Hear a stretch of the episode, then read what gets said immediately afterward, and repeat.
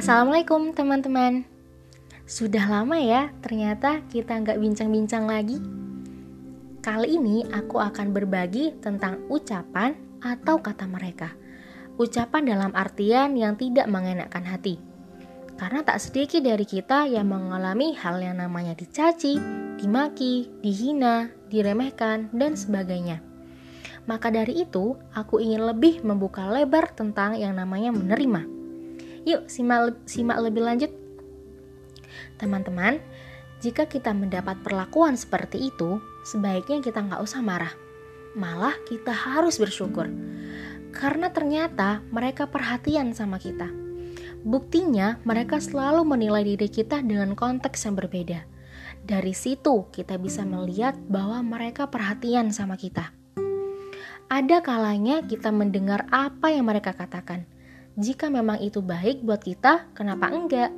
Namun sebaliknya, jika omongan mereka membuat diri kita tambah down, tambah sedih, atau tambah galau, mending udah deh buang jauh-jauh.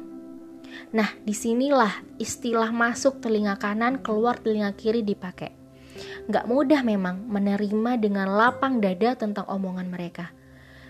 Nah, maka dari itu, agar kita lebih luas menerima, kita ajak diri kita buat ngobrol dulu.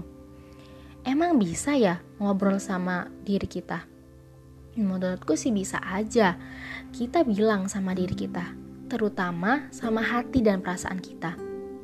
Udah ya, gak usah dengerin mereka yang gak seharusnya didengerin. Yuk kita tatap mereka dengan senyuman. Karena apa yang kita ucapkan akan dirangsang oleh otak, lalu ditransfer ke tubuh kita, dan langsung dipraktekkan oleh tubuh kita. Nah, jika sudah seperti ini, maka hubungannya dengan mindset kita. Mindset yang baik akan melahirkan pola pikir yang positif dan juga membawa positif bagi perlakuan kita.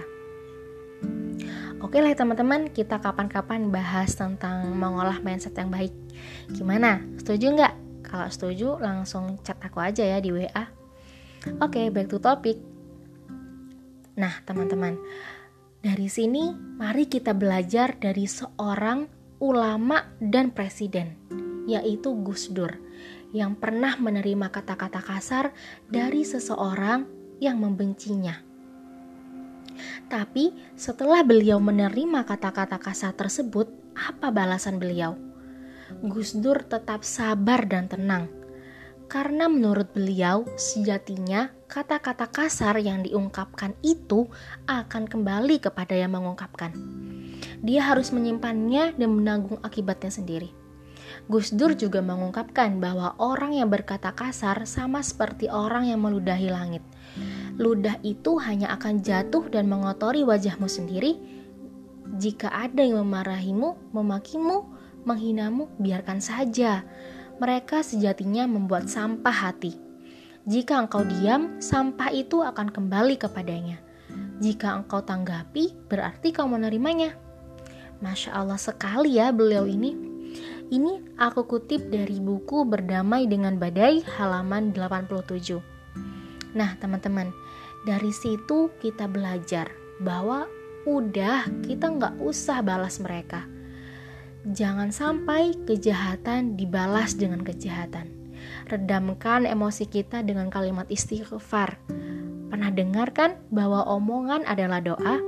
Nah, sama halnya dengan ini. Berarti mereka mendoakan diri mereka lewat menghina, mencaci, dan sebagainya. Nah, untuk bilah ya. Kalau mereka menghina, berterima kasihlah karena dari situ kita bisa berintrospeksi diri. Kalau mereka berkata kasar, bersyukurlah karena dari situ bisa menguji kesabaran kita. So, cintai dirimu sendiri. Jangan selalu memandang omongan orang lain yang menjadi tolak ukur kita.